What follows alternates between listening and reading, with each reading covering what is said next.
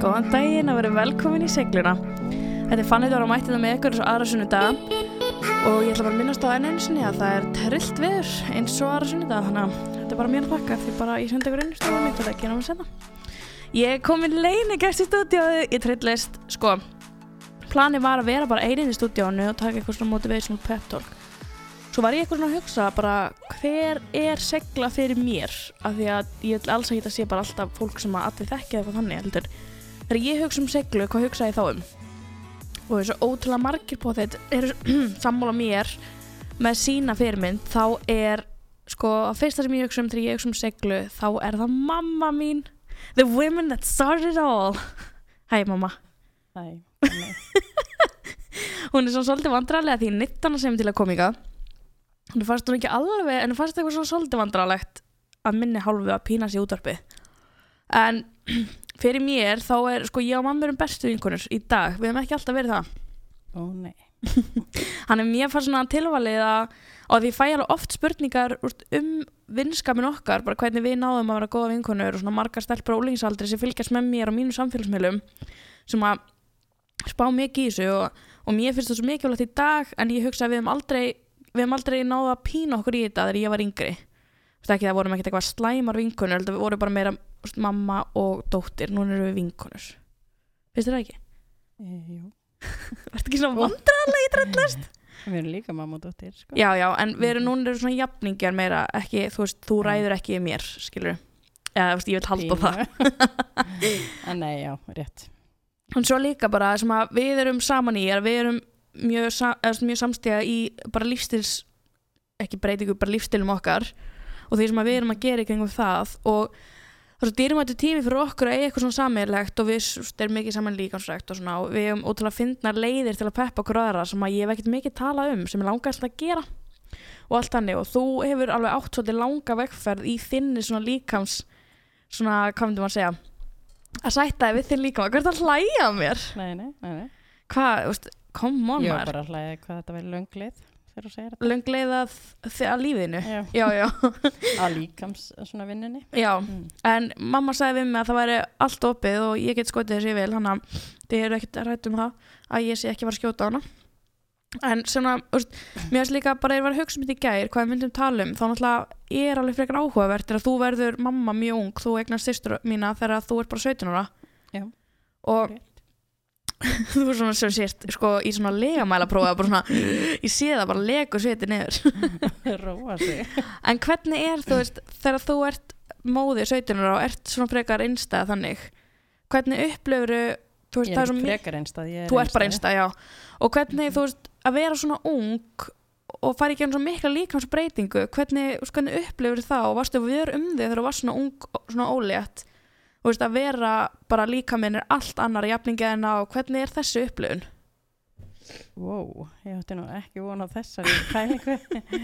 Uh, það er alltaf bara breytist allt og hérna ég hef nú bara aldrei velt þessu eitthvað sérstaklega fyrir mér sko. Nei, ok, mér fannst bara einhvern veginn var þetta bara þetta var bara svona sko og ég ég reyndar er svo ótrúlega heppin sko að alltaf á meðgöngum þá grennist ég svo svakalega mikið.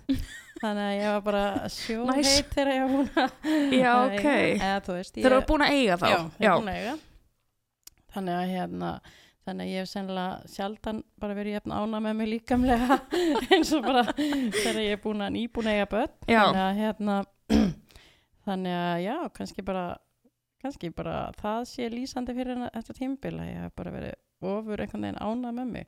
En auðvitað er maður rosalega meðvitaður um allt sem er að gerast. Það breytist náttúrulega allir líka með þegar maður er ófrískur. Mm þannig að hérna já, jú, en ég hugsa að þá kannski byrjar svona þessi líkamspæling svona fram að því að ég bara verið ósköp venjulegur krakki sko og, eða Mhm. úlingur og hérna alltaf rosalega grannu krakki svo verð ég bara svo bara stækka ég jæmt og þér og svo er það líka sem gerist hjá stelpum í kringu svona 14 til 17 ára aldur bara þessi kynþróska aldur er svo ótrúlega erfið við stelpur. Ég hugsa mér, eða, ég náttúrulega bara, bara, get bara tengt við stelpur auðvitað og ég veit ekki, Mhm. get ekki upplega hvernig stráka gera en maður hugsa tilbaka núna bara allir hormónanir allt ruggli, bara allt í gangi og líka mann sem breytast og stækka og, og Mhm. maður að fá brjóstur á sem maður veit ekkert og allt í náttúrulega farin frá því að vera badni að vera eitthvað svona kynvera sem að er eitthvað svo fáranlega rugglandi dæmi sko. Mhm. og þegar þú ert þú veist, 17 ára ólétt kom aldrei upp í hugan bara að væri svo miklu öðuldara að bara fara í fóstureyingu að því hún er fóstureying svo ótrúlega viðkvæmt umræðefni og eitthvað sem að veist, við bara sjáum í dag er verið að banna út um allan heim. Og við hefum alveg tekið þessu umræðu. Jú, það kom algjörlega, það var fyrsta, það var fyrsta pælingin þegar ég Mhm. komst að ég var ófrisk. Ég hérna, og hlustundur, þetta er eitthvað sem við hefum ekki einu sinni að að jú, ég hérna, ég var reyndar, sko, ég var ekki í sambandi með bassfæðurum mínum og var bara ein, bjó náttúrulega í fóreldrahúsum, ómentuð og einhvern veginn vissi ekkert hvað ég ætlaði að gera í þessu lífi, sko. Mhm. Þannig að hérna, jú, það kom, það var fyrsta hugsunin og eiginlega ég ákvaða að ég ætlaði fórstrengu og hérna var samt einhvern veginn alltaf pínu eitthvað ósátt við það. Ég er samt ekki á móti fórstrengu Mhm. og hérna, en það var eitthvað svona í mér sem að hérna, mér fannst þetta eitthvað ekki rétt. Þannig að hérna, ég veit ekki, ég átti, átti að fara eftir páska, ég man þetta bara eins og hafa gerst í gær sko og ég ákvað að fara norður yfir páskana þar sem ég er fætt upp alveg húsæk. Og einhvern veginn bara þar þá hérna ákvað ég að ég ætlaði ekki að vera í fóstrengu ég væri bara Gerist eitthvað að bara Nei, ég bara var eitthvað ein með sjálfur mér, ég var bara inn í sveit, ég var mafa og hérna, jú, ég varð veðuteft fyrir norðan, það var kannski upphæðið að því. Já, kemst þú ekki í tíman sem Nei, komst ekki í tíma sem ég ætti pantaðan og, og bara ákvað þá að ég væri, hérna, ég væri ekki, vildi ekki fara í fóstrengu Mhm. og hérna, og ákvað þá, já, það gerði það ekki. Ok. Það var, það var eina sem Þannig fyrir þér var þetta svona örlögin sem að, að þú upplifir Já, þannig. Já, e, já, það var þannig. Kannski meira fyrir elstu dóttir mín að örlegin að ég varð við þetta eftir þarna. En ég, ég held ég hef aldrei farið. Ég, það var eitthvað í mér sem að, hérna, sem að, að let mig, eh, sem að, já, sem að kallaði það fram að ég vildi ekki gera. Mhm. Og núna, þú veist, er svo mikið umræðinni þessi mömmu, og við vitum allir bara mömmur eru harðastar við mömmur, þú veist, Mm maður sér það bara hvað umræðan getur oft verið erfið fyrir mömmur og svona, þú veist, þessi fullkomni líka með eftirfæðingu og þetta verður ekki nógu fitt og nógu svona, eða vera of þetta, þú veist, maður sér það bara hvað hlýtur að vera mjög erfitt að vera mamma, ég ætla er ekki hef ekki eignum spað þannig ég, þú skildi ekki Mm. bara kísubann, -hmm. þannig að, að mjög erfitt lífið að kísumamma þannig að þú veist, en hvernig er það þú ert bara, þú ert orðin átján það ekki eru eignast auðu, þú ert bara ennþá 17 ára. Já. þú ert bara, þú ferð ekki í mentaskóla þá Ég bara árið setna fyrir yðurna. Ég fór ekki með skóla, ég fór yðurna. Já, og þú veist, er þetta ekki þú veist, hvaðan kemur svo þessi svona þrá í að taka lífstilsbreytingar í að, þú veist, að þú byrjar í hörbalega sem tökum kannski fyrir á eftir og þú veist, að langa veg fyrir því fram að núna ertu bara svona eins og vorum að tala um í gær, þá ertu bara svona yfir aldrei verið sáttur sér í dag, skilur skiptir ekki líkamlega, sé þetta bara hreisti Sko ég held að ég, það, það sama á sjálfstað þá eins og núna því núna er alltaf verið að tala um og þú veist, ég hef heyrt mikið er að tala um eins og í þínum þætti og svona þetta, þessi samfélagsmiðla álag á fólk og allt þetta mm -hmm. veist, það hefur bara alltaf átt sér stað alla tíð, þú veist, maður miða þessi bara við stelpuna við hliðina í skólanum eða í vídjóum eða Mhm. þú veist, MTV var bara í háum haft þarna, veist, það var alveg að sama eiga sér stað, við höfum konur hafa alltaf miða sig við konuna við hliðina, sko Mhm. og hérna og það sama gerðist bara þá þú veist, ég meina ég, ég hef alltaf verið svona rosalega mikil svona strákastelpa og hérna var alltaf mikið í íþróttum öllum íþróttum og var einhvern veginn, þú veist, ég átti alltaf miklu meira strákavinum heldur en stelpu einhvernum Mhm. þannig ég var einhvern veginn í rosa lítilli meðvutund mjög lengi. Þú veist, það var einhvern veginn bara alltaf, þú veist úti með strákunum og var einhvern veginn alveg sammenta þannig að þannig að það gerist bara svona hvað 15-16 ára sem maður fyrir að finnast að maður eigi að vera einhvern veginn. Og svo hérna bara þegar ég er búin að eiga hana sem að þá verður fær maður svona meira kvenlegar línur og, og þetta fyrir einhvern veginn að snúast um eitthvað svona lúk sko. Mhm. já, ég veit ekki veit þetta er alltaf svona þungt hérna margar spurningar sem negla hérna Já, þú veist, ég hef bara kannski ekkit endilega velt í svo mikið fyrir mér hva, hvaða verður sem að verður þessu valdanda maður fyrir að spá þetta. Ég, kannski bara ef að hérna, ef maður skoður þetta þannig, þá kannski bara að því að ég var svo rosalega grönn þegar ég var búin að eiga hana mm -hmm. og var svo ána með mig og svo bara einhvern veginn missi ég það úr böndunum, þú veist, bara lífið kemur og, og hérna, veist, og þá finnur maður veist, að mann langar að fara aftur tilbaka í það sem maður var. Og ég held að þetta sé kannski alltaf svo þrá að maður hérna, ef maður hefur upplifað að vera í formi Já, og líða vel í líkamannum veist, og, og hérna missir svo einhvern veginn svona tökin á því bara, Mhm. að þá held ég að ég held að maður sé þá alltaf með þessa þrá að vera í formi. Mm þú veist, ég held að ég veit ekki, þú veist ég held að sjaldnast hafi þetta eitthvað snúið endilega um það að vera grönn fyrir mér eða mjó, þú veist, það snýst einhvern veginn alltaf meir um það að vera í formi. Þú veist, mér langar alltaf rosalega mikið í þú veist, þess að ég hef oft sagt einhvern veginn eða, þú veist, mér alltaf langa til þess að vera hlaupari. Mm þú veist, mér alltaf langa til þess bara ei, geðið við út, ég ætla að fara út og hlaupa tíu. Og það er bara einhvern veginn ekkert mál. Einmitt. en ég hef einhvern veginn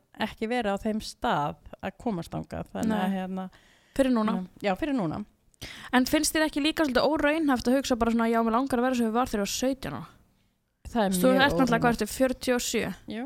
og veist, það er náttúrulega það er svona að segja bara svo ég hugsa bara vá, ég vildi vera við svo 10 ára. Mhm. Þú veist, það Það er óraunhæft. óraunhæft, skilur já. og líka með henni allt annar í dag úr eldri og veist meira skilur úr kannski tilbúin að fórna minna og þegar maður var þarna og var maður bara að gera allt öðru sér hluti og stúrt ekki bara að vera ólétt núna til að geta gert þetta.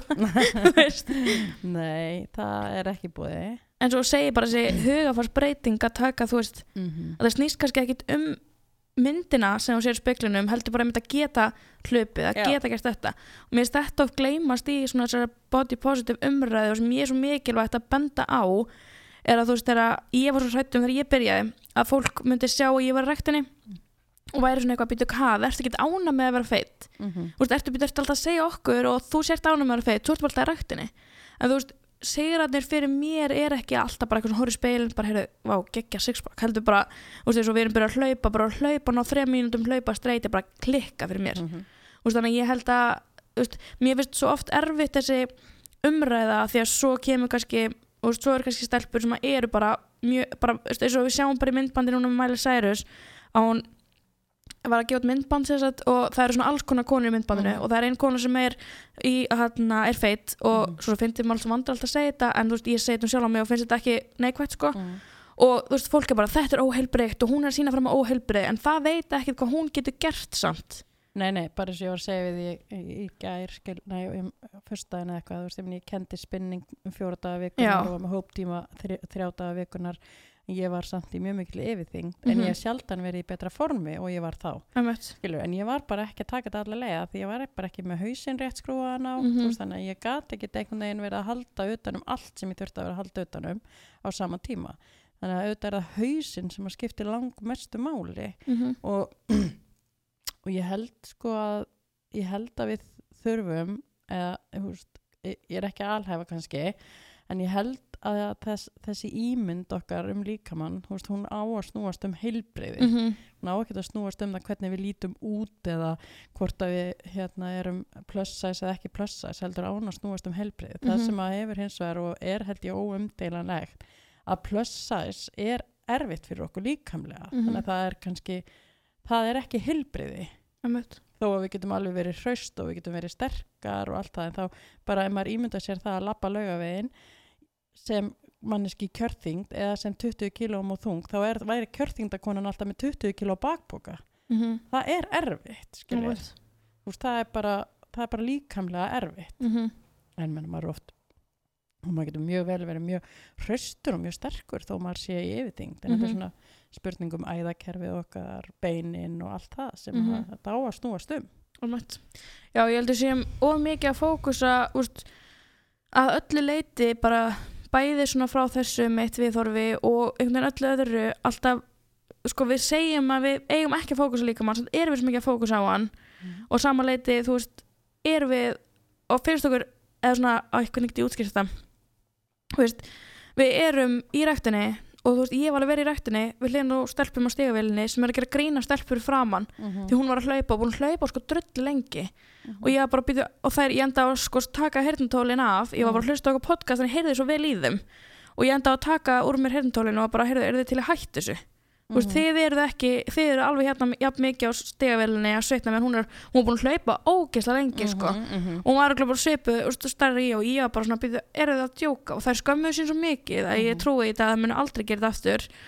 Og ef með þetta svona þetta er svona neikvæð, við erum alltaf að horfa líka með allra og alltaf að spá í því í staðin fyrir að spá í, þú veist persónuleikanum, þú veist, hreistinu, einmitt, þú veist, af hverju allir hún sér hún er og, þú veist, allt þetta Mhm. Ég átti alltaf vinkonu sem var rosalega grönn, Mhm. alveg rosalega grönn alltaf og hérna, og ég var alltaf svona stór og hérna, og hún, svo fórum við einhvern tímann í svona, það var svona byrjunar stíði held ég Já. Þetta var eitthvað svona, en sett á einhver, sett á okkur einhver svona rafskaut á höndunum og eitthvað svona, þetta var eitthvað svona rosa dæmi og herði, þá var hún bara hærri fytubróst en ég. Já, og ég menn, það segir okkur það sem við erum að tala um þú veist, það, það er ekkit endilega það er ekki endilega þannig að mjóa manneskjan sé Mhm. heilbrið þannig að þetta snýst um, þú veist, við eigum að vera að tala um heilbrið en ekki útlit mm og ég held að e, þú veist, bara fyrir þig sem hérna ungkona sem áttu eftir að eignast þín börn og allt þetta Mhm. þú veist, þetta snýst um hvað ætlum við að kenna börnunum okkar, þú veist, þú ert dóttir mín og ég er yfirþyngd, skilur þannig Mhm. ég hef sennilega kent þér eitthvað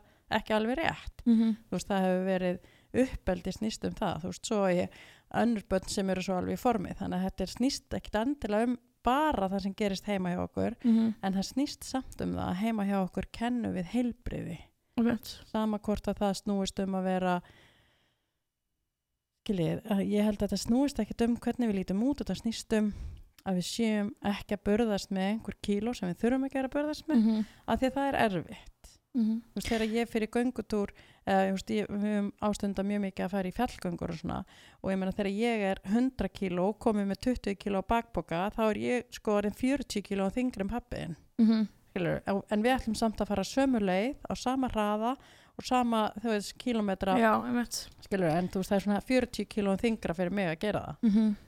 Ég held að það snúist líka bara mjög mikið um að gefa fólki sveigrum til að vera ánægt með sig af því að það fer ekki ég fer ekki að verða hraust fyrir njón ána með mig mm -hmm. að ég fann það bara, þú veist, þegar ég var í rættinni þá fannst mér bara svo vandra alltaf vera þar og ég var svona, gekka bara milli veggja og veist, og svona, eitthvað sem er með frá veggjum og þú veist, gat aldrei einhvern veginn ef ég fór að lifta og svo kom einhverju þá fór ég bara, þú veist, Mhm. þannig ég náði ekki að verða hraust og ána með mig fyrir en ég var bara, heyrðu, drullu flott, skilur og ég held að það byrja allt þú veist,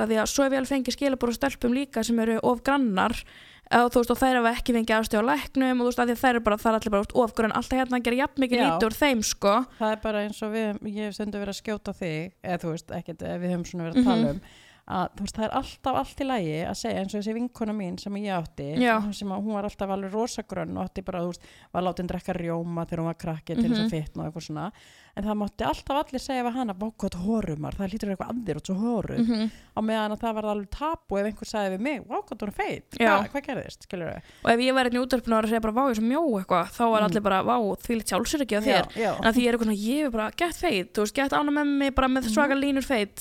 að og bara mjög stík geggjuð. Þá var allir bara eitthvað Fanny, Dóra, rakkar sjálfan sig í útvarpinu er, við erum búin að búa til svo mikla ímyndi kringum þetta í stann fyrir að þú veist, maður mæti á svæðið og bara vá, ég var eitthvað með ljótinn í dag þá í Mhm. staðan fyrir að vera bara, heyrðu, ég hljóp hérna þrjá myndur og þá var fólk bara eitthvað svona, já, geggja Mhm. þú veist, við erum alltaf að koma með svona setja fyrirvara á okkur. Já. svona eitthvað, eins og ég var að tala bara um í sessunni senast í að nökkva á, ég er búin að segja þér frá því að þú veist, með því að vera að setja alltaf fyrirvara á það sem við erum að gera og sérstaklega eins og þegar maður elst upp í yfirþyngd að verður svona það kring úlingsárin Mhm. þá er maður alltaf svona, maður þarf að setja fyrirvara á sig svona, ég get ekki gert þetta því ég er svona Mhm. Þú veist, ég get ekki gert þetta því ég er þessi Þú veist, ég er svo lágvaxin, ég er svo veit alltaf að setja svona Mhm. merki með á sjálfan sig sem að eru, þú veist sem kom í veg fyrir að einhver geti gert lítið um Já. þú veist, ég ef maður er búin að segja á undan heyrðu ég feit, þá getur þú ekki gert grína mér Mhm. því ég veit það og þú getur ekki mig með því Mhm. og þú veist, það er bara sama þú veist, það skiptir ekki máli hvort þú ert grönni eða þetta þú veist, þú getur alveg sett þann merki með á því bara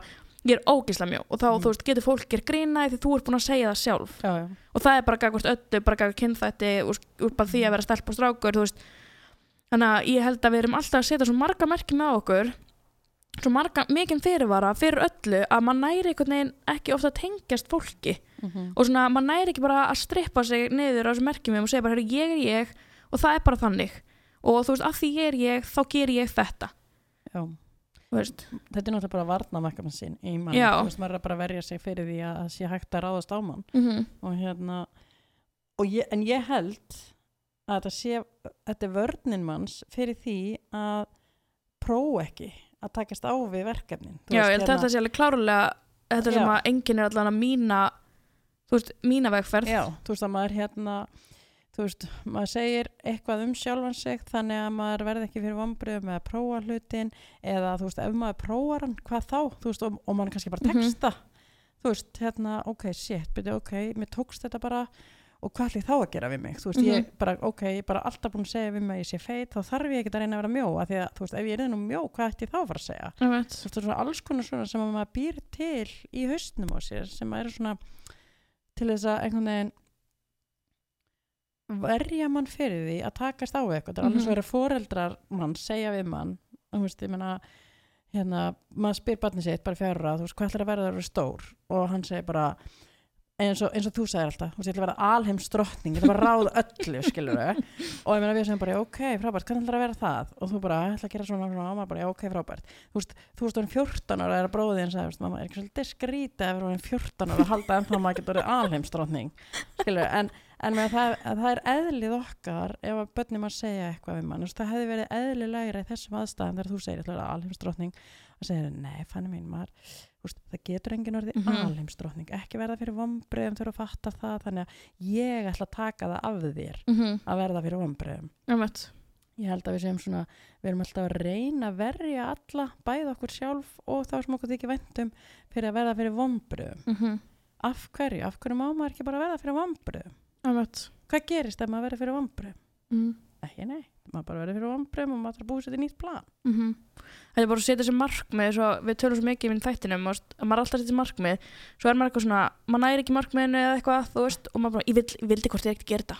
Í staði að segja bara, heyrðu, þetta tókst ekki. Mhm. ég sætti mér þetta mánu til að gera þetta þetta tókst ekki, veist, hvernig ætla ég hvað ætla ég að breyta, skilur, Mhm. hvernig ætla ég að breyta til það gerist, þú veist, allt er lægja þú veist, eins og ég núna, því að ég er svona mjög mikil tilfinning að vera og á mjög erfitt með tilfinningar Really? mínar. Hvað sagði, really? Og fer svona mjög hátt og mjög lágt og ég, ég var alltaf að rakka mér svo mikið niður að fara lágt. Mhm. svo bara, ó, ég náði ekki markminu mínu, fókus ekki gráti yfir því og bara geðveitt svegt og svo er bara, ó, það er svo ömuleg þér að fara að gráti yfir því. Mm Mhm. og svona rakka mér niður fyrir að vera óana með það. En svo núna er ég bara eitthvað, heyrðu, ég ætla að taka mér hann þetta kvöld, ég ætla að liða illa yfir þessi kvöld Mhm. bara vera fokkin svegt yfir þessu svo morgun er bara nýtt plan Mhm. og þú veist, og við, þú við erum alveg tekið þetta svolítið, svolítið oft af því að við erum alltaf mjög markmið sem ekki ná og svo er maður líka, þú veist, og að þetta er ekki, þetta er ekki svona svart og hvít, þetta er ekki bara hún nærði með ekki Mhm. svo þá maður að vera bara að byrja af hverju vill ég ná þessu markmið hvað er þetta markmið, Mhm. af hverju þarf ég að ná því þú veist og svo núna ég var eitthvað svona erðið, mér langar að missa 5 kíló þú veist fyrir þetta og einhverju svona kíló skipta nú einhver Mhm. máli þú veist þetta snýst ekki um það og ég, ég veit það það snýst ekki um það en þetta er bara 5 kíló sem ég langar að missa og svo er bara komið annað markmið Mhm. svo er bara komið, herri, ég var geðvitt til ég að þú veist, vera komið sixpack eða skilur, ekki það, það er ekki næsta, næsta dagskrá, þú veist, að fætti hvað ég meina því að fólk er alltaf svo voða viðkvæmt fyrir öllu markmiðunum að hann svo svona, Mhm. herri, róa þið nú þetta er nú svolítið mikið, þú veist, þetta ekki taka svolítið mikið á því, maður eitthvað herri, þú veist, ég geti þetta alveg og ef þú ert að segja þetta þá ert að setja fyrirvara á markmið mitt Mhm. þú ert að segja, herri, ekki vera svegt en ef ég næ ekki markmið sem ég er búin að vinna í heila mánu þá má ég bara vera drullu svegt Mhm. það má alveg vera vombrið, ég þarf ekki að vera eitthvað, æ, mamma sagði, ég gæti þetta ekki, þannig ég þarf ekki að vera svegt yfir því Nákvæmlega, það, það, þetta er akkurat þú veist, maður þarf ekki, sko, lagi, ef við að setja sér markmið, þá eru 50% meiri líkur að maður náði því, heldur Mhm. en ef maður setja það aldrei. Þannig að þú veist, að setja sér endalins markmið er bara frábært. Þú veist, maður á bara alltaf að setja sér markmið, það er bara mín skoðun. mm -hmm. Og í öðru lagi, þú veist, ef maður næri ekki markmið, það gerist ekkert.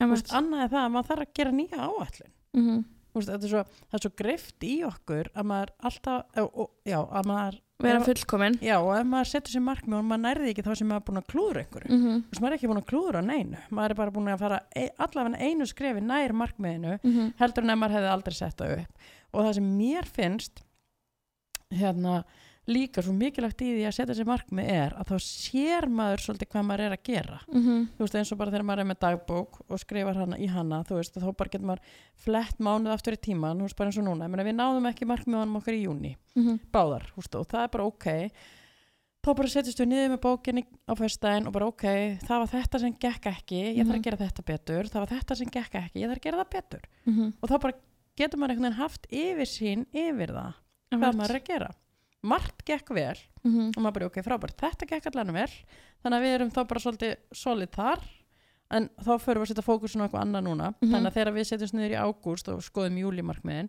þá voru örgulega það sem gekk eftir í júni þá hefur það aðeins dalaða því Mhm. maður setti fókusin á hitt veist, þetta er bara einhvern veginn til þess að mér finnst það að setja mig markmið vera til þess að setja svona yfirsýn yfir líf mitt, þú veist, ég sé bara ok þetta er það sem er að gerast í lífinu mínu Já, í staðan fyrir að ef að, ef veist, ég upplifi bara að ég hef alveg átt markmiða ár og ekki markmiða ár og allt þetta að þá er maður einhvern veginn bara svona bara svolítið svona búin að gufast í gegnum Mhm. lífið sko það er líka bara þessi velleguna tilfinning sem að kemur þegar maður næði markmiði og Mhm. getur tjekka við eitthvað að lista og það er alveg ástæða fyrir að fólk setur sér markmið sko. Þú veist, að því að þetta er ekkert er eitthvað sem við erum að finna upp eða einhver, þetta er bara eitthvað svona þetta er svo ótrúlega mikilvægt fyrir bara það sem maður er að gera Mhm. og líka kunna að gera og þess að við erum með smartformúlan ef við hlustið á þáttun með söndru hann er komin á podcasti Mhm. og skrifi niður smartformúlan hjá okkur af því að það munar svo ótrúlega miklu að geta sé fyrir sér þetta markmið og sé það svona skipulað fyrir sér Mhm. af því að svo er maður líka oft kannski ekki að fatta svona, svona ég ætla að hlaupa í Reykjavík Mhm. svo er bara komin 24. ágúst eða eitthvað og þú ert bara ekki búin að æfa það neitt af því þú settir þér ekki veist, tíma allar kunna alltaf æfa hvað allar að gera til að ná því og, veist, og það eru bara þúsund leiðir að einu markmið Mhm. segjum að ég er alltaf að missa þessi 5 kíló veist, bara það er ástæða fyrir mig persónulega sem mig langar að missa þetta er ekkert eitthvað svona því þá verði ég fullkomin skilji og, og veist, þá hugsa ég kannski ég er búin að reyna þessa leið, hún virka ekki ég er búin að reyna þessa leið, hún virka ekki. Þú veist, það eru bara þúsund leiðir í átt að einu markmið og það er alltaf læg að sökja sig ég, meni, ég var ógeðslega sökt inn á föstu daginn að ég var ekki komin einu skref nærði og það er bara alltaf læg, núna er ég bara aftur komin í gýrin og búin að skipulegja mig og eittu kvöldun í að pepp mig í gang, skilji Mhm. ég held líka bara að sko, ef að maður ef að maður hérna, setur sér ekki markmið mm -hmm. og maður ætla bara að láta hlutin gerast einhvern veginn, þú veist, þá er maður bara að verja sjálfan sig fyrir að verða fyrir einhverjum vombriðum eða hafa ekki Mhm. náð að gera það sem að maður ætla að gera Right. og líka að þá hefur maður engin verkfæri, þú veist, mér finnst bara í gegnum lífi mitt, þú veist, að því þú varst að tala um Herbalife Mhm. áðan, þú veist, ég meina, má fara inn á það núna eða viltu gera það senna? Mæ, bara núna að því að að því að þú veist, fólk má hafa alls konar skoðanir á Herbalife og allt Mhm. það hins vegar það sem að Herbalife kendi mér það var að vinna í sjálfur mér mm -hmm. og það er bara dýrma, eina dýrmætustu gjöfunum sem ég hef fengið í lífinu það er að læra að vinna í sjálfur mér Mhm. að því að meina mín kynnslóð er kannski svona á jæðurinum að hafa fengið að gera það og megi Já. gera það fóreldra mínir til dæmis bara þú veist, uh, minna, þú ert bara skilur þú veist ekki eitthvað að laga sjálfa veist, það er svona attitúti Mhm. þannig að, þannig að hérna, mín gjöf eða, semst, ég, ég tel það hafa verið eina af stæðstu gjöfunum sem ég fekk í, og bestu að það var að læra að vinna í sjálfur mér mm -hmm. og það lærði ég í Herbalife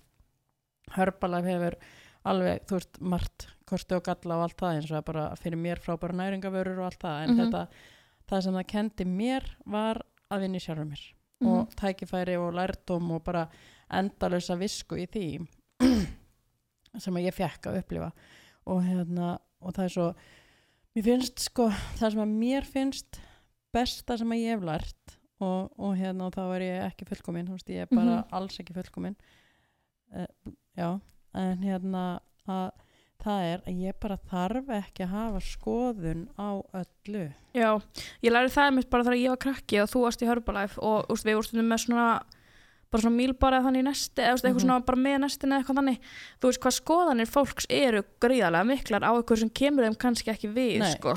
Og mér finnst það vera það sem er bara killing the internet kynslu skilur, þú veist, það er að fólk leifir sér að hafa einhvern veginn skoðanir og Mhm. tjáða þær um allt þú Já. veist, eins og þú veist að segja bara það að þú ætla að losna 5 kílós þá ertu búin að fá 200 skilabóðum það að það sé nú ekki höfu máli þú veist, það kemur það engum við. Og ég menn maður má ekki gera neitt í ákvæð ég, ég setjum markmið í vikunni að hann að gera 60 sekundur planka. Mm ekkert eitthvað, ég var að gera bara gallabús með vinnunni ég ætla ekki að vera eitthvað svona ripped. Mhm. þetta langaði bara sanna fyrir sjálfur mér í gæti ég var aldrei að geta -hmm. í geta og þá kom eitthvað svona það það er nú betra að gera 30 sinnum 30 Mhm, blanka, eða skilur, mhm. og ég er bara svona já, já, frábært, þú veist, og ég ger það alveg í ræktinni, en þetta er ég bara að gera til að sína, þú veist, maður má aldrei heldur gera neitt of rétt, því þá er fólk bara tilbúin byssunar, bara pjá, pjá, niður markmið og við gleymum, við gleymum því alltaf að hérna, þú veist, það er bara alls konar á bakvið alla Mhm. og fólk veit ekki neitt, þú veist, fólk veit ekki neitt hvað er í gangi hjá öðru fólki Einmitt. og þú veist, amma mín segir alltaf, þú veist, maður veit nú ekkert hvað gerist í svefnarbergi hjóna Mhm. þú veist, og það er bara pínu þannig í lífinu, þú veist, ég menn bara eins og ég hef sagt við þig, þú veist að, að veist, við höfum verið að fá alls konar skilabóð um það hvað við erum ömurleg fyrir að aðstofa þig ekki í þessu eða gera ekki svona við þig eða bla Mhm. bla bla bara, Já, eftir að byrja á samfélagsspilum þá, eða útskriðu þetta betur, þá að fóreldrar minna fengi skilabóð um það. þess, þau hafa ekki gert nóg fyrir mig, já, sem að þetta er svona eina sem að gera mig sko eila reyða, því ég get leitt allt annað hjá mér, en þú veist, fólk var ekki í æskunum minni og það veit ekkert hvað hefur gerst eða komið fyrir mig eða, veist, þetta er svona, þetta er svo ótrúlega viðkvæmt til einhver rása fjölskyldunum hans. já, en það er bara samt, skilur, það er það er partur af því að verða public persona. Þú veist, það er partur af því að maður ákveður það. Þannig að það þýðir rosa lítið að fara væli við því. -hmm. þú veist, maður bara, ok, þetta er svona. En þú veist, ég bara svo innilega þegar ég hef fengið þetta, þú veist, ég hef aldrei svarað þessu og ég hef bara, þú veist, hugsað með mér að ég greið, hún veit ekki neitt. Mm af því það er bara þannig veist, fólk veit ekkert hvað við höfum oft komið og aðstofað þig í alls konar aðstæðum Mhm. eða gert, ná- þú skilur, þú veist, þetta er bara þú veist, ég held að við getum lifað í svo miklu betra heimi Mhm. ef að fólk temdi sér það að hafa ekki skoðanir á því sem aðrir eru að tala um -hmm. Þetta er svona ég fann ekki úr því að tala um þetta senast þetta getur verið, en þarna það er mitt ég er svona ákvað að taka þetta svolítið til mín þegar ég var á hérna, námskeiðinu Absolute Training og Sandra segir að sérst, nýjasta markmið hennar eða svona það sem hún alltaf tilenga sér Mhm. er að tala eða svona sko ef þú er ekki verið í nákvæmlega spór sömu spórum á einhver, nákvæmlega sömu aðstæðum að gera ekki ráð fyrir þeirra og viðþorfi skilur Mhm.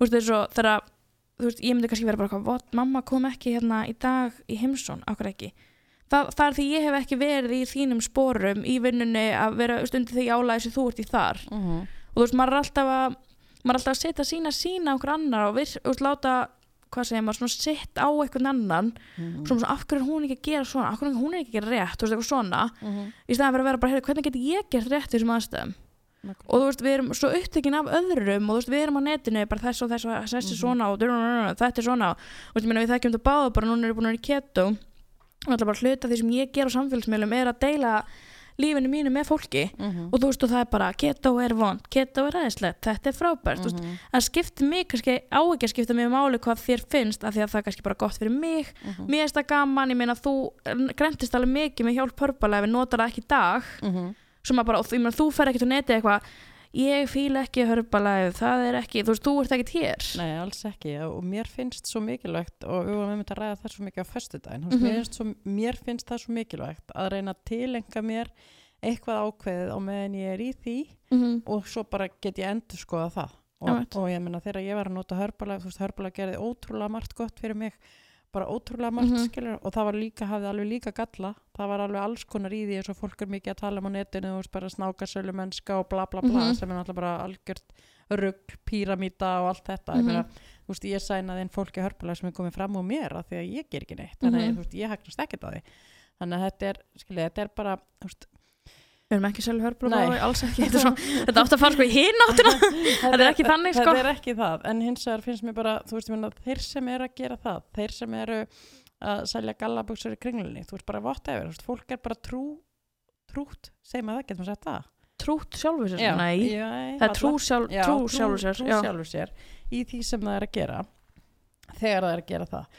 Og mér finnst bara hérna að einhver sé að selja hörbalæf og nota hörbalæf í dag kemur mér ekkert við Mhm. veist, það fólk bara algjörlega má gera það og bara allt í góðu ef að ég læka mynd af einhverjum hörbalega dreifingaræðila á Instagram og hann sendir mér skilabóð í staðin veist, af því að ég lækaði myndin Mhm. hans þetta er bara það sem er í gangi í hennum almenna sölu heim á netinu þú Mhm. veist, ef þú lækar sölu síðu þá færðu auðlýsingu Mhm. það gerist nákvæmlega sama með hörbalega dreifingaræðila Mhm. Þú veist, ég er bara búin að horfa á bara aflýfingar á netinu á alls konar fólki já, út af einhverju svona. Ég meina, læka, ég lækaði núna um daginn einhver, einhvern frakka, þú veist, ég var búin að fá auglýsingu kortir í setna, Mhm. þú veist, bara bla bla, veltu að koma að máta eða eitthvað, ég man ekki hvernig það orðaðist. Þannig að, ég meina alls konar, mér finnst bara maður má taka, ég má taka ákvörðin fyrir sjálf mig Mhm. og ég ákvaða að hætta að nota Herbalife af því að ég, ég þurfti eitthvað annað Mhm. og ég leitaði og ég fann eitthvað annað og það var keto eða carb night Mhm. hendar mér rosalega vel er ég 100%? Ó nei ég er Mhm. bara hérna, fullkomlega ófullkomin í því eins og öllu öðru í lífinu mínu og það gengur rosa vel og það Já. gengur rosa illa Úst, bara, þannig er þetta og þar kemur, komum við bara að kunniða sem við byrjum, þú veist, það er hausin á manni. Þú veist, það, það er hann sem ég er alltaf að díla við, þú veist, ég er ekkert að díla við það að einhver gæi er að selja mass út í sjoppu, þú veist, ég þarf hausin á Mhm. mér þarf að ákveða að fara að kaupa það eða ekki, sko. Einmitt. eða einhver er að selja hörpalega og senda mér auðlýsingu, þú veist, ég þarf að ákveða að vilja hana eða ekki. Mhm. Punktur. Þetta er bara svona einfalt sko. Þetta er bara svona einfalt, sko. Það er svo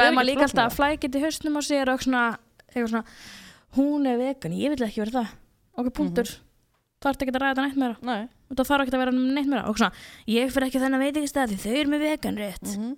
það er bara ekki bandaður þetta er bara einfalt og svo fólk er eitthvað svona, ég ætla ekki að fylgjast með henni. Eitthvað svona, akkur er hún að gera svona á Instagram? Mhm. það er bara ekki að fylgjast með þeim.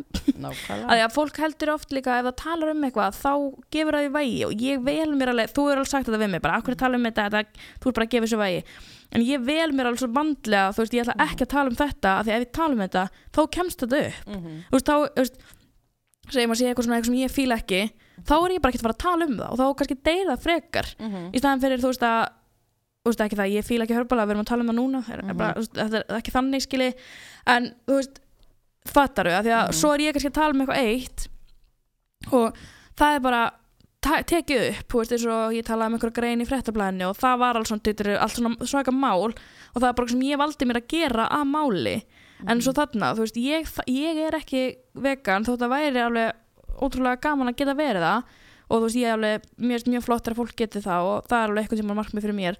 Að þú veist, ég þarf ekki að vera eitthvað, herri, ég ætla ekki hinga því að hérna er vegan eða ég ætla ekki þanga því er keto þú veist, ég fer bara sem ég fer og það er bara þannig, Æ, Mhm. þetta er svona svo, þetta er svo ógeðslega erfitt að lýsa Æ, þetta við er erum bara alveg búin að flækja við erum búin að hlaupa svona sjö sko. ringi með þetta maður á bara að gera það sem maður vil Mhm. þegar maður vil Mhm. og hjálpa og líka sem að er svo mikilvægt að finna fólk sem getur hjálpa sér þetta er svo, Mhm. ég tala alltaf um, svona jámannskjur Mhm. ekki verið kringu fólk sem er eitthvað að draga maður niður set yourself up for failure ertu bara að gera með því Mhm. þegar einhver er alltaf eitthvað svona þetta er mært mér umleitar, umleitar til hörbala umleitar vegan, umleitar Mhm. keto saman hversi fóreldri eða vinkunur eða vinur eða veist, amma eða eitthvað svona ertu bara að setja þann lífið fram að það mun alltaf eitthvað gaggrina og það er oft erfitt að standa undir gaggrinni Mhm. sérstaklega þegar maður er viðkomur fyrir því sjálfur maður þarf náttúrulega bara alltaf að reyna að- rýna til gags að þetta Mhm. sé rétt orð þessi, þessi gaggrinni er það á að vera til að rýna til gags -hmm. að hérna, þú veist, það er líka hættulegt að vefja sig bara í áfólki sem bara alltaf peppa mann í því sem maður er að gera hvort sem maður er að gera gott eða slæmt, þú veist, Mhm. maður þarf náttúrulega maður þarf að hafa svona common sense sko. en svo er líka eins og ég hef oft sagt við þig, þú veist, það er uh, sumt þarf maður ekki að deila með fólki af því að Mhm. fólk hefur svo mikla skoðanir og það er svo erfitt að taka alltaf skoðunum annara já, þú veist, bara eins og það að ég segi er að taka B-vitamin, þú veist, þú setur í einsta stóri á morgun, B-vitamin skamtu dagsins, þú ert búin að fá 20 sem segja er að sé bara baneitra að taka B-vitamin, þú veist þetta er, skilur þannig að maður þarf stundum svolítið að velja hvað ætla ég að deila með hverjum. Mm og ef að maður á bara góðan félag þar sem maður getur bara, veist, ég er svolítið þannig og ég er alveg rosa svona hérna, ég hef svona svo ákveðna rörsýni á hlutina, Mhm. þú veist, það einfaldar mér svo mikið lífið. Að því að við, eins og þú ert ofta að tala um hérna kvíði og allt þetta, þú veist, það eru allir með þetta. Að einhver leiti, Mhm. skilur þannig að hérna fyrir mig til þess að ég far ekki í kvíða og í vanliðan og allt þetta, þá þarf ég að einfalda líf mitt eins mikið og ég get. Og ég þarf bara að hafa svona, ég set bara svona eins og hestar setja svona, setja Mhm. svona blöðkur á það svo þeir sjá ekki til alla hliða. Af því að ef ég er þar að leifa mér að sjá allt og heyra allt sem allir er að segja þá er ég bara komin inn á deild eftir smá tíma af því að ég fer bara að gera allt þess að allir og finnst bara allt aðeinslegt og ég verð bara svona trillt skilur þú veist þannig ég þarf bara svolítið svona ok, ég ætla bara að marka mér einhverja leið í þrjá mánuði. Ok, ég ætla bara að fara þessa leið. Þú veist bara, núna erum við að hitta söndru og förum til hennar í viktun og mælingu og eitthvað Mhm. svona. Og ég bara, ok, ég ætla bara að hlusta á hana í þrjá mánu Mhm. svo bara ætla ég að endur skoða mitt mál eftir það. Hefur þetta virkað fyrir mig?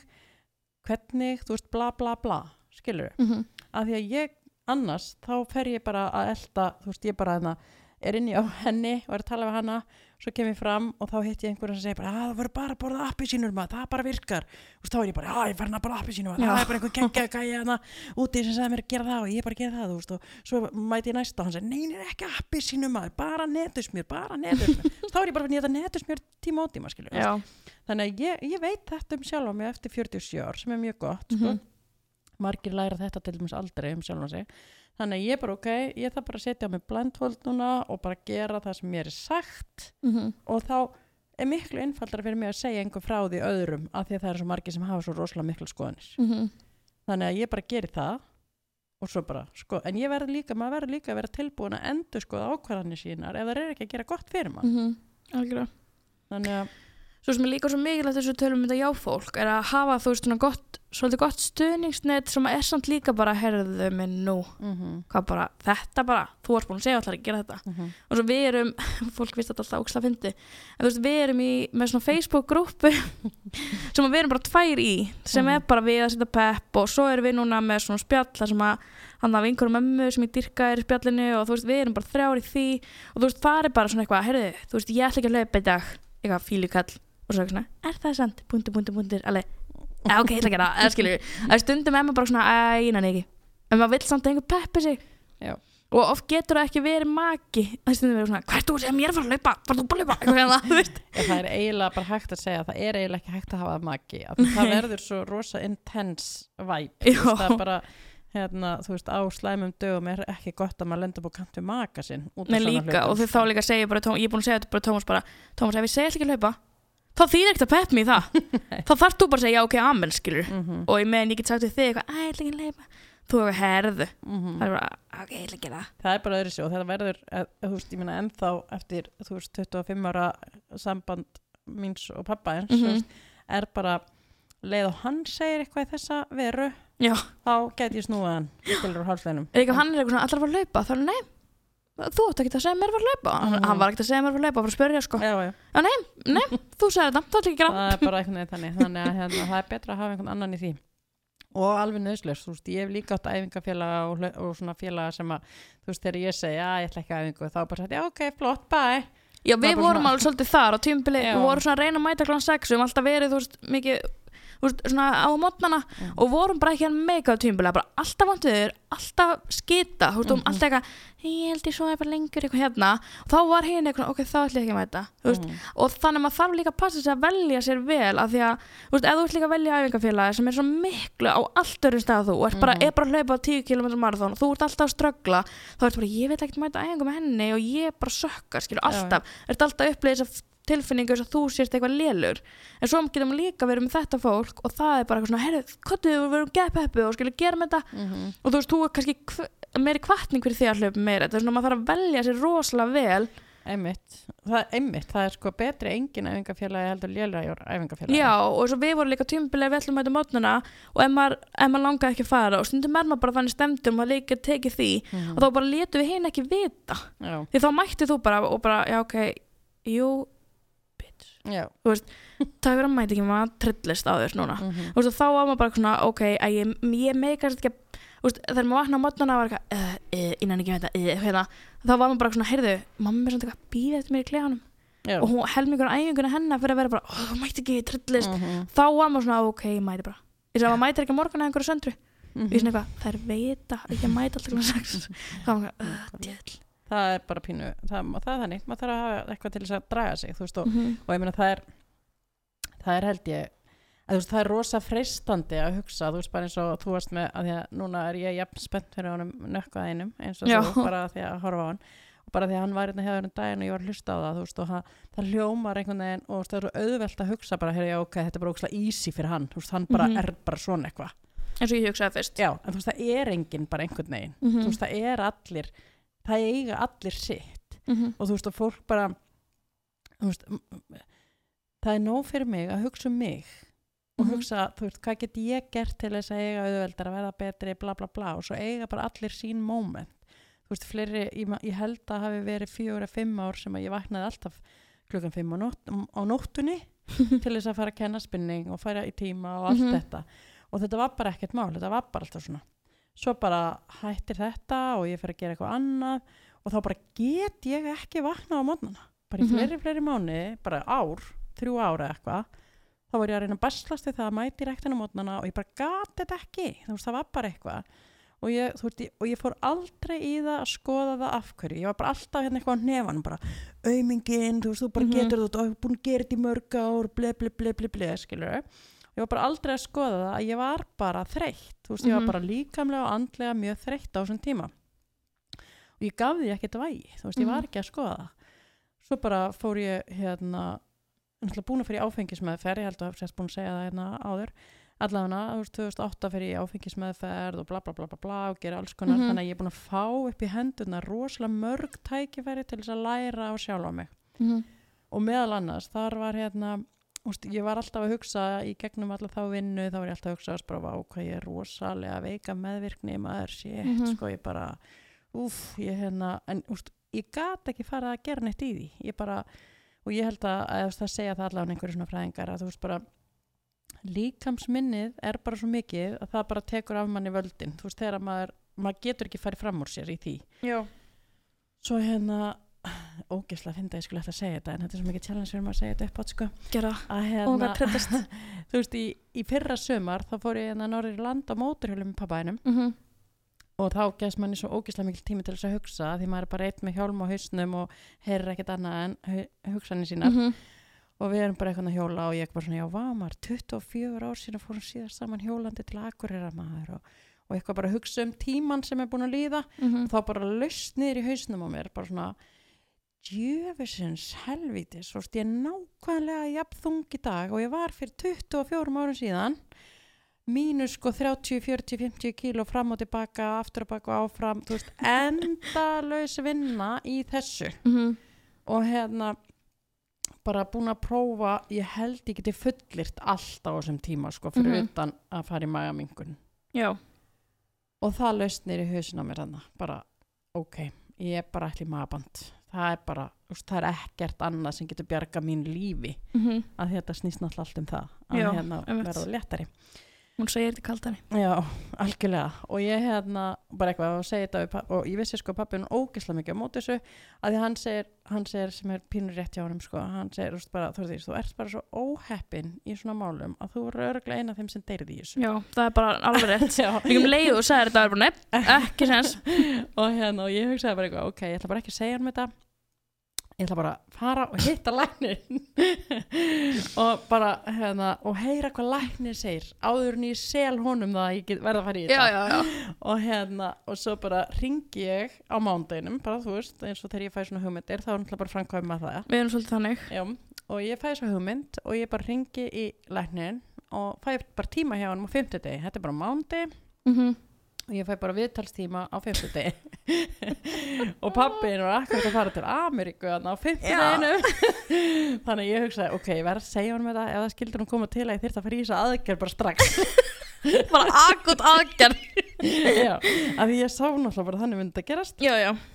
Þannig að ég kem heim og ég er búin að hugsa mjög mikið hvernig ég ætla að selja um þetta og ég kem heim og við hann, herri, ég er bara ég er bara búin að ákveða þetta ég er bara hérna, þú veist, 25 ára setna, 4 ára setna, ég er bara ennþá nákvæmlega þung og ég var og búin að gera alls konar og ég bara ég ætla bara að fara í þetta mafand Mhm. og hann bara, nei, þú veist ekki verið það Mhm. og ég bara, oh shit, ok hérna, og ég segi, nei, ok ég ætla, ég skal semja við þig ég ætla ekki að fara í þess aðgerð en ég ætla bara að hitta læknin og tala við hann Mhm. og við rættum það og hann segir, endar með því, hann segir ok, ef þú lofar að fara ekki í þess aðgerð þó myndi bjóðast, bara þú fer ekki í hann allan fyrir en ég er kon heim Mhm.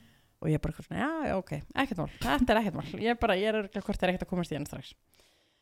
Nema hérna fæði mig kaffi í bolla og sest í sófan opna tölvuna og þá poppar upp svona risa auglýsing frá fyrsta skrefinu, meðvirkni námskeið annað kvöld, nokkur seti laus. Mhm. og ég er bara eitthvað svona oh, ok, þetta er nú sennilega verið að segja mér ég þarf að fara á þetta námskeið. Mhm.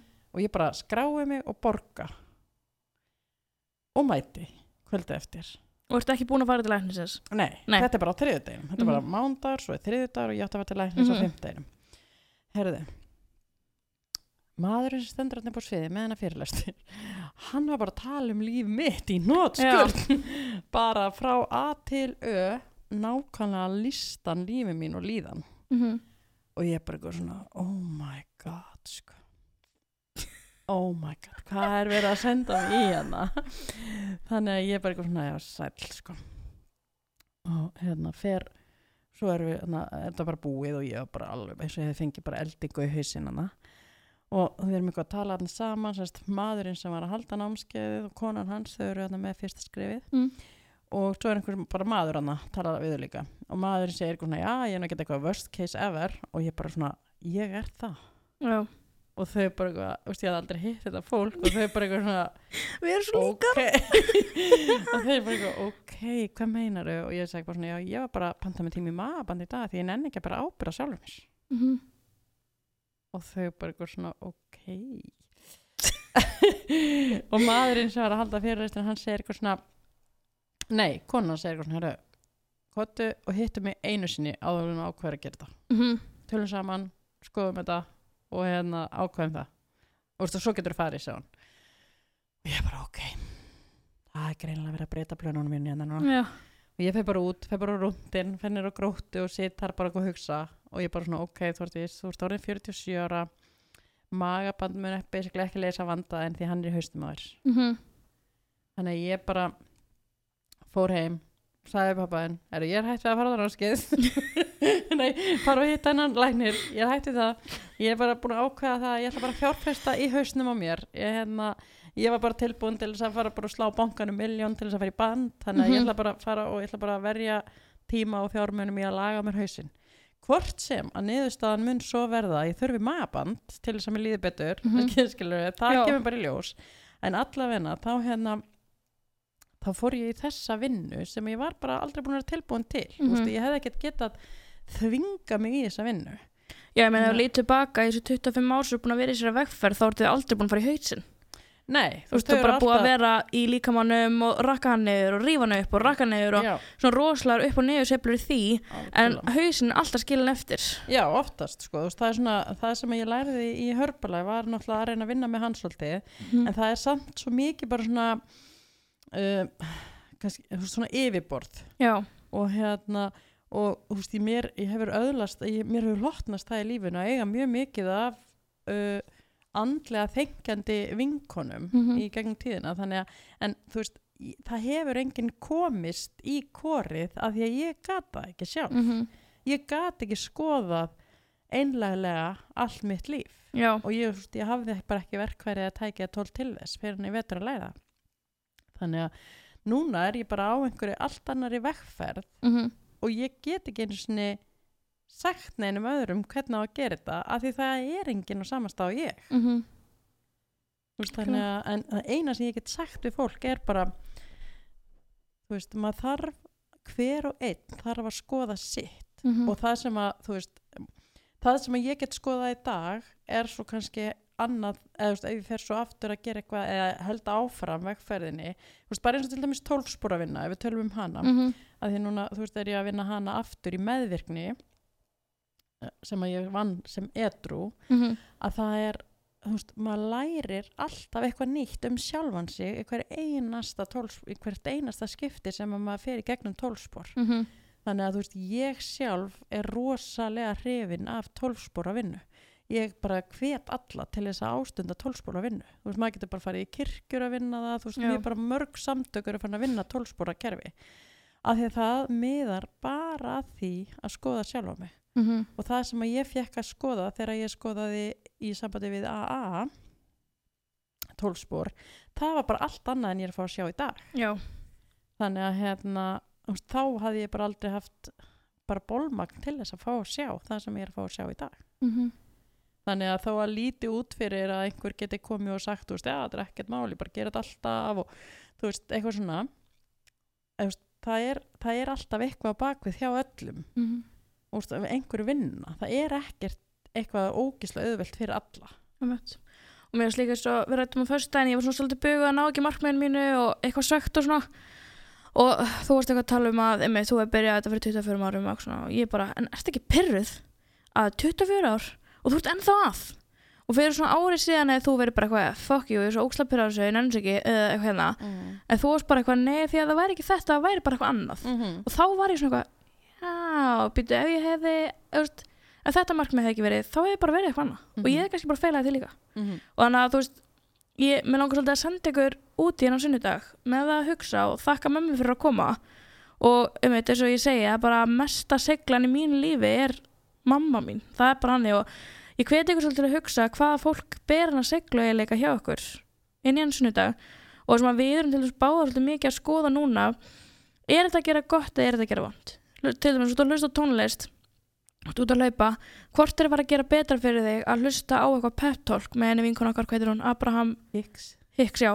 Veist, hvort er það að gera betra fyrir þig að hlusta á það eða að hlusta á poptónlist er það að og, og stundum er bara valið meina þegar ég er að hlaupa þá fara bara að vera eitthvað raging pop bara, þú veist, bíberinn í eyrunum og ég verða, þú veist, það er bara alltaf að velja það líka sem ég sagði við þig og sagði, af hverju ertu að horfa á þetta heilösa sjónvarp, þú getur verið að hlusta á Abraham Hicks og ég bara, að því það er eitthvað í gangi haustum mér alla dag og snurlega langar bara að slökka á. Það er bara ok, Mhm. þú veist, hvort er að fara að gera betra fyrir þig þennan sunnudag að leikja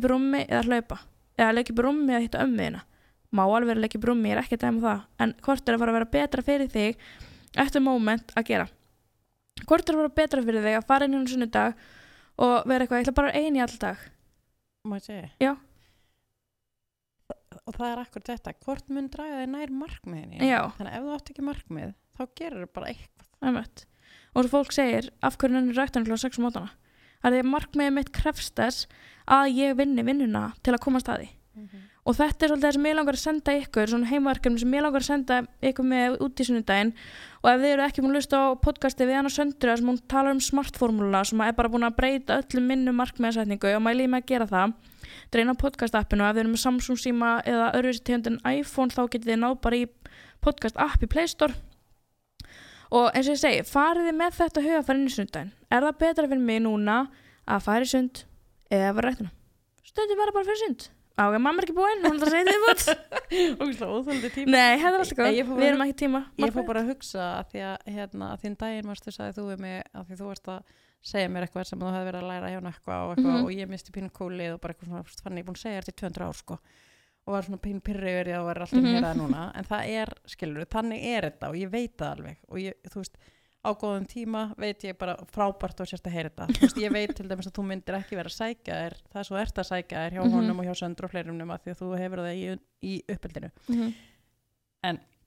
Þú veist, og það er svo nöðsilegt að maður muni það að þú veist, þú getur ekki fengið allt frá mér Mhm. þannig að þú veist, að maður þarf að velja sér þú veist, að hérna að heyra sama hlutin hjá réttum aðila Mhm. þú veist, mömmur eru búin að segja við mann alla æfi þú veist, takk til í herbygginu, takk til í herbygginu þú veist, svo kemur bara einhver síklafræðingur og segir það er bara síklar heima þegar þú verður að taka til þú veist, þá heyrir þú allt í Mhm. hennu, skilur Einmitt. þannig að bara, það var það sem ég langaði að enda þetta þú veist, að velja sér rétt fólk eða, þú veist, Já. leita að fólki þangar til maður heyri rétta hlutin Mhm.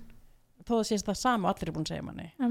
Ok, ég skal hætta Nei, þú- þetta, sko, ég við hann kljóðum viðbútið viljum. En svo bara því að fólk spyrir mig oft þegar ég tala um rútuna mína og ég segi stundum svona, æ, ég, eftir bara að henda mömmu úr rútunni og eitthvað. Hendur mömmu úr rútunni? Maður getur ekki bara gert það. Ég eitthvað, jú, maður getur það bara alveg. Og stundum, og eins og ég segi alltaf, að maður sækir mömmu sinna aftur, maður þarf ekkert að gera það. Sömur eru bara í þannig sambandi við fóreldir sinna, þeir gera það ekki. Og núna er, er ég bara sambandi þannig með mömmu mín að hún og Tómas sitja bara bæði fremst í farastjórnsætinu og hjálpa, skilur og þess vegna langaði mig líka að fá mömmu það er svo mikilvægt að vera ekki að svekja sig yfir í að ég ekki góðu sambandi fóröldi svona akkurat Þú veist, við vorum ekkert alltaf þar að heyrist í hverjum degi og ég var einmitt skildi aldrei okkur heyrði alltaf sýstum minna hverjum degi bara hvernig henni sýstum ég alltaf tala við hverjum degi? Eh, eitthvað hérna. Og það er alltaf lægi að ég ekki alltaf góðu sambandi við fóröldi svona. Þess vegna langar mig að hvetja ykkur í dag í þennan sinni dag, þú ert búin mamma. Þú komið búin það að- meira inn í þetta? Ég get alveg talað um þetta endalist sko, mér finnst þetta mest Já. spennandi í heimi það er að vinna í höstum á sér. Einmitt. og ég bara, þess að ég segja alltaf við alla gestir sem að koma, þeir verða að koma aftur og taka þessa umræða dýbra því að maður kemst bara x langt á klukkutíma sérstaklega með kynning og allt. Þannig að ef að, þú veist þau segi fara inn á sundag og þetta er heimarkefni ykkar hugsiði, er það sem ég er að gera núna er það besta sem ég get verið að gera fyrir mig andlega og líkamlega? Eða get ég gert eitthvað aðeins öðruvísi eða eitthvað langar bara að hanga upp í rúmi allan dag og horfa á sjónvarpið, great, það er bara alveg ykkar. En hugsiði kannski, gæti ég verið að taka vastrykkin minni gegn leðinni ef ykkur langar bara að geta að fara að hlaupa hugsa ég að er betra fyrir mann að fara í rættina að fara út að hlaupa? Og bara alltaf, alltaf að taka við með öllu sem er betra fyrir mann.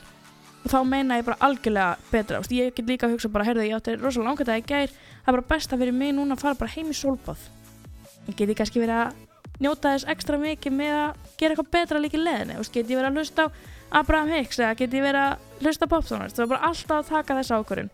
Og maður svolítið að senda ykkur með þetta út í vikuna. Ef þið hafa einhverju spurningar til mömmu eða til mín og ég hafi mömmu sem leiningest þannig að þið fekkum ekki spurja neinu. En ef þið hafa einhverju spurningar þá mælum ég að fylgjast með mér á fannidora.com niðurstrykk á Instagram. Ég taka mömmu reglulega en ég geti fylgst með henn þar. Hvað er það, Þórti, Sjóna safna followers? En hann að, maður enga veginn safna followers en, okay. en hann að, já og eins og segja, næst það kemur mjög skemmtilegur gestur næst og ég vil bjóða okkur að spur spurninga og ef þið vilja hafa áhrif á þáttin eins og hann er þá fylgist þið með mér fannættoro.com og Instagram og þá getið fengið að spura spurning fyrir næsta gest Þetta verður kannski einu leinugesturinn af því að með mér var svo hrikala vandrarlegt að ég þurfti alveg að pína næðin Hefur takk fyrir að bjóða mér, þetta var mjög gaman Já, það ekki? Jú, ég kem aftur senna. Já, ég sé það á þér, nú erst þannig vön og ert komið með þetta og þessa Ég vil útverspötti bráðum byrja með þátt Já, á áttunni. Alveg eigin hlustaði Eigin við geðu kannski sunnudag og hugsiði alltaf hvað er það besta sem ég get gert fyrir mig? Við sjáumst næsta sunnudag þess